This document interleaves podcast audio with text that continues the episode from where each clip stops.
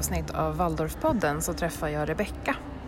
Ibland kommer vi att göra så i Waldorfpodden att vi även träffar de som faktiskt inte känner till så mycket om Waldorf. Men jag tänkte först att vi skulle få veta lite vem du är. Eh, jag heter alltså Rebecka och ehm, jag är utbildad konstnär och har gått klart konsthögskola för ett år sedan.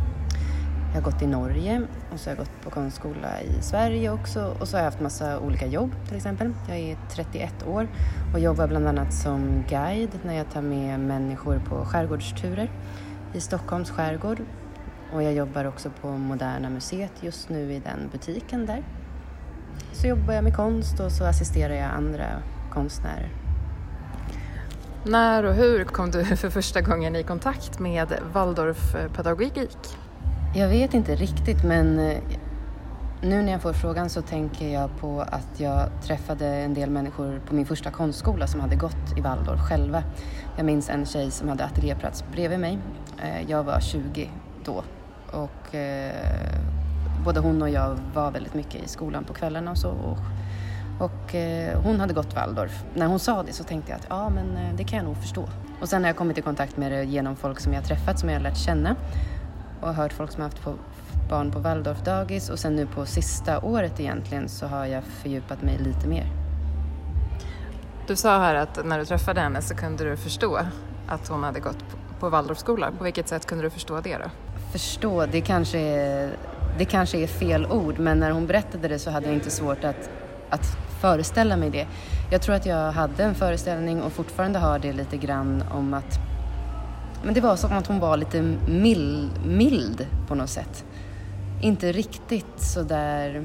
Som att hon förväntade sig att världen var lite mjukare än vad jag tycker att... Som vad jag har upplevt att den har varit. Okej. Eh, nu då, när du är liksom lite senare sådär, hur har du kommit i kontakt med Waldorf nu? Jag har, eh, jag har funderat på att bli lärare på något sätt nu i min roll som konstnär. Att kombinera min egna praktik med att lära ut, vilket är något som jag brinner för helt enkelt. Och då har jag börjat titta på olika sätt att vara lärare eller leda någon slags kreativt arbete som är både skapande och sitter ihop med tänkande. Och då på mitt, min arbetsplats Moderna Museet så har jag lärt känna en del kollegor som jobbar med den pedagogiska verksamheten och som jobbar med barnen på museet, som guidar barn och håller i verkstäder. Eh, framförallt en av mina kollegor där jobbar också inom Waldorf och är lärare. Och jag har haft spännande samtal med honom om olika saker och vi har också kommit in på Waldorfpedagogik och han har lånat mig en bok som jag inte har läst så mycket i men som jag har hemma. Sen har jag också pratat med dig Jessica som är min kollega från det här guidejobbet som jag nämnde. Jag har frågat dig lite utav nyfikenhet om Waldorf och då bjöd du in mig att komma på ett studiebesök om jag ville en dag till en av dina lektioner och det gjorde jag. Det är vanligtvis så att, att när jag jobbar som vi gör då tillsammans på ett annat jobb som är utanför liksom, Waldorfvärlden så brukar man inte prata så mycket om just det här med Waldorfpedagogik så därför blev jag lite förvånad när du kom till mig och sa att jag skulle vilja veta mer om Waldorf. Jag har hittat en bok, eller jag har fått en bok av en kollega. Så jag blev väldigt överraskad så, för att det brukar inte vara så många som frågar om Waldorf överhuvudtaget.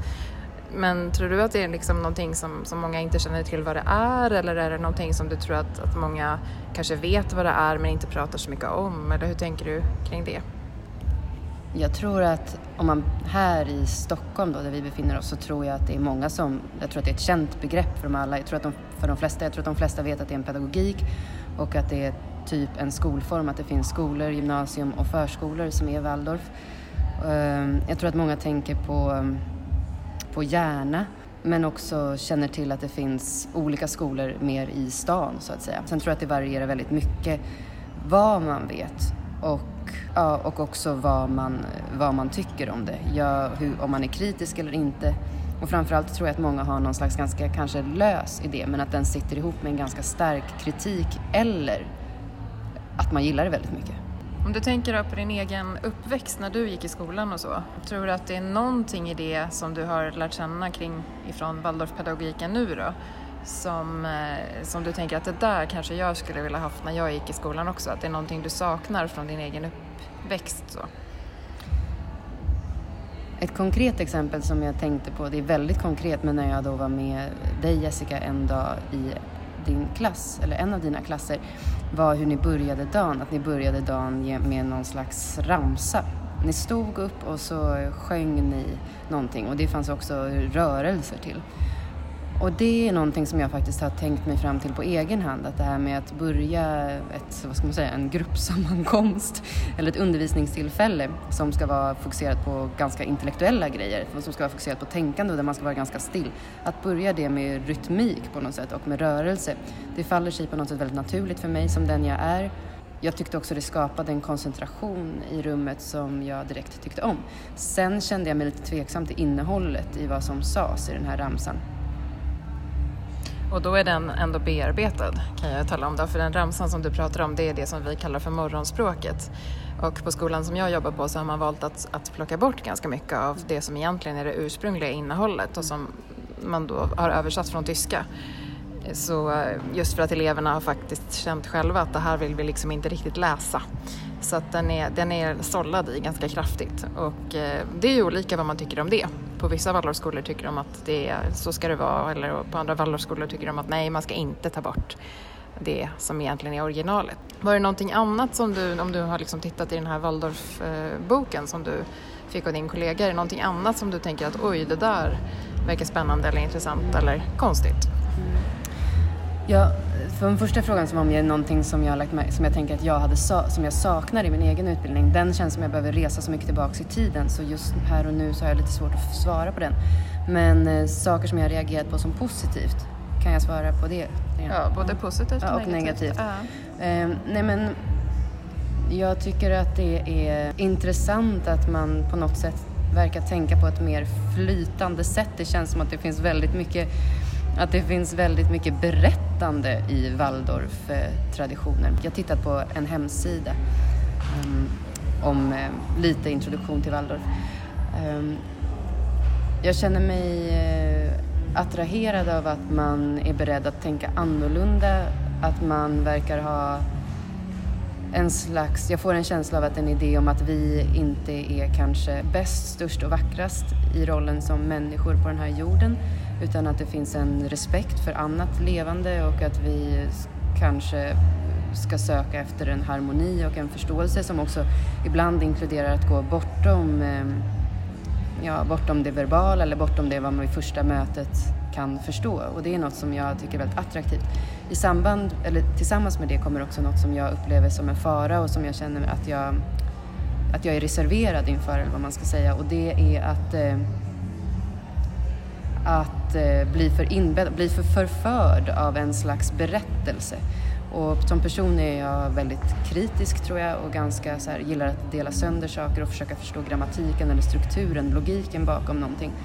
Och jag är också skolad i kritiskt tänkande från universitet och annat. Så ehm, det tycker jag är lite skrämmande. Jag förstår potentialen i, i det förförande elementet. Det är precis som att jag önskar komma fram till det samma resultatet, att ha en mer alternativ världsbild och leva i en slags harmoni eller samspel med min värld. Men jag tror att jag inte vill få den berättad för mig utan jag vill tänka mig fram till den själv och jag som person önskar då ha väldigt mycket information på något sätt. Det finns ju många också som säger att Waldorfvärlden kan bli lite sluten och du är lite inne på det nu när du säger det här med att man lätt kan bli förförd för att man blir så inspirerad eller imponerad när man kommer till en skola och vid första ögonkastet. Så det är ju ganska bra då att förhålla sig kritiskt. Så. Eh, men då tänker jag att det kanske är någonting som, som i din situation, skulle du tycka att det var liksom skulle det ha varit svårare att inte bli förförd om du inte hade haft det här liksom kritiska med dig? Så? Kanske. Men jag känner mig också lite rädd för att eh, eller som barn så var jag ganska ofta så här utstött, alltså mobbad på olika sätt. Jag hade också kompisar men jag flyttade mycket och jag vet inte vad det var eh, som gjorde att det ofta var så, speciellt med tjejgrupper och jag tyckte alltid att det var väldigt svårt med ostrukturerade sammanhang där liksom barnens eh, etablerade hierarki på något sätt i gruppen fick härja fritt. Och jag tyckte väldigt mycket om väldigt uppstyrda sammanhang. Alltså jag föredrog absolut en mattelektion där jag till och med tyckte om matte för det gick lätt för mig. Jag har haft lätt med alla skolämnen.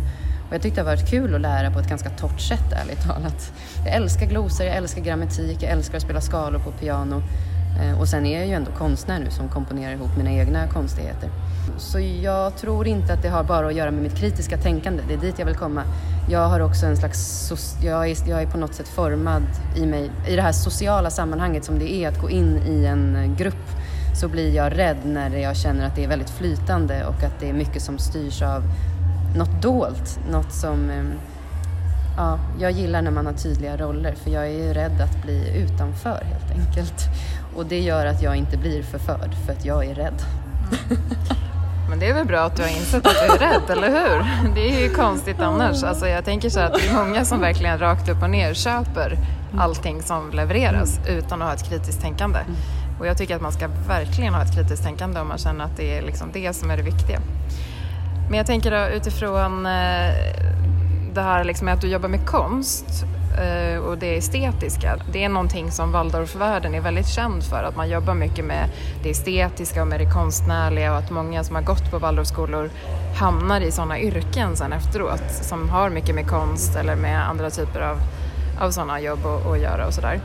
Ehm, tror du att du genom just det här att du har ju funderat på som du sa att bli lärare och kanske, kanske att du kan jobba med, med konst på något sätt då, men tror du att det kommer att kunna bli någonting som du skulle kunna göra även om du skulle få ett större intresse för just Waldorfpedagogik?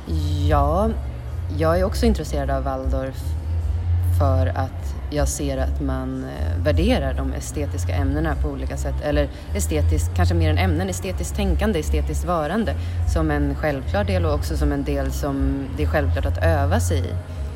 Och kanske inte bara öva utan också lära sig nya färdigheter, att öva sig i att det följer med en när man växer upp och när man lever helt enkelt. Och det är något som jag tycker är jätteviktigt och något som jag känner igen mig i. Eh, även om inte jag då har gått i en Waldorfskola så hade jag två föräldrar med konstnärliga yrken och dessutom två unga föräldrar som gick sina konstnärliga högskolor när jag var barn. Så jag har ju, fick ju med mig mycket av det estetiska från min hemmiljö bland annat och de saker jag gjorde på fritiden. Jag tycker att jag blir jätteledsen när jag märker att man på något sätt tror att det bara är någon slags underhållning eller att det är någonting som, ja, jag ser det som ja, jätteviktigt och en självklar del. Nu har man ju precis eh, beslutat i riksdagen och i regeringen att man inte ska införa konstnärligt ämne på gymnasiet.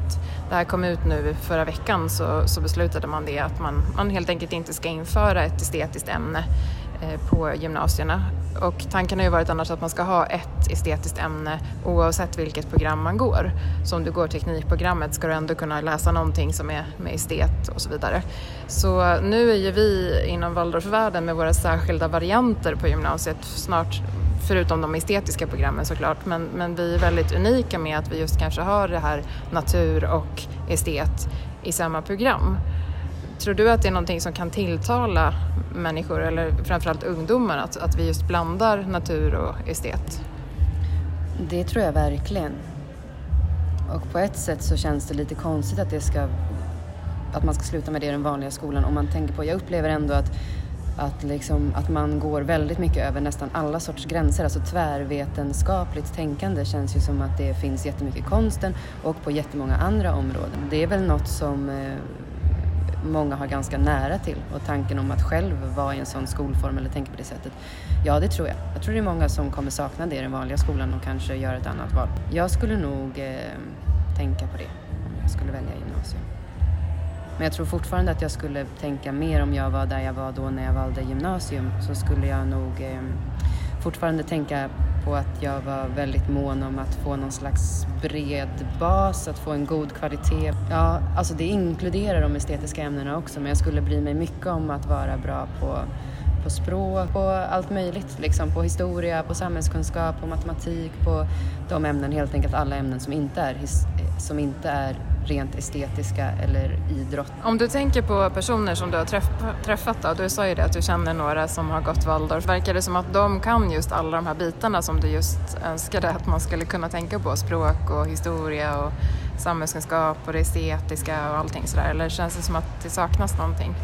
Jag känner en del folk också i Norge som jag vet har gått på Steinar skola eftersom jag då har bott tre år i Norge och det verkar vara väldigt stort där. Mm, och den personen som jag tänker på skulle jag säga är en ganska, också faktiskt ganska, på ett sätt ganska rationell person också. Det, hon är nu utbildad arkitekt. Så, så hon skulle jag nog säga har det verkar som hon har koll på många saker. Eh, och du har ju det.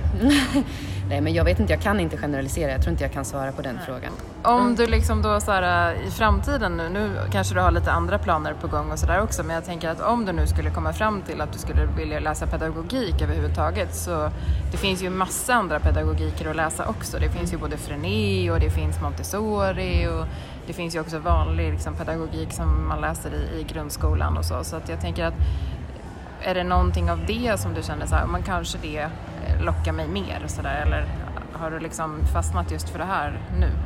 Där jag befinner mig personligen just nu och i den här tiden som vad det innebär för mig att leva här och nu i den här tiden just nu är också att jag känner ett behov av att vi behöver tänka om på jättemånga sätt och att vi behöver leva annorlunda. Alltså inte minst på grund av det här med miljön och planeten, att vi konsumerar den, att det kapitalistiska systemet inte är något som jag riktigt eh, tror på på det sättet. Och överlag att man har en slags idé om att man på något sätt ska, alltså kapitalismen har också kommit in på en slags psykologisk nivå, att man tror att man ska vinna någonting på situationer väldigt ofta och så. Och jag tänker så här att det här sitter så djupt i oss och det sitter djupt i mig på många sätt. Och tankar om effektivitet och kanske till och med människovärde. Vad gör mig till en värdefull person i den här världen?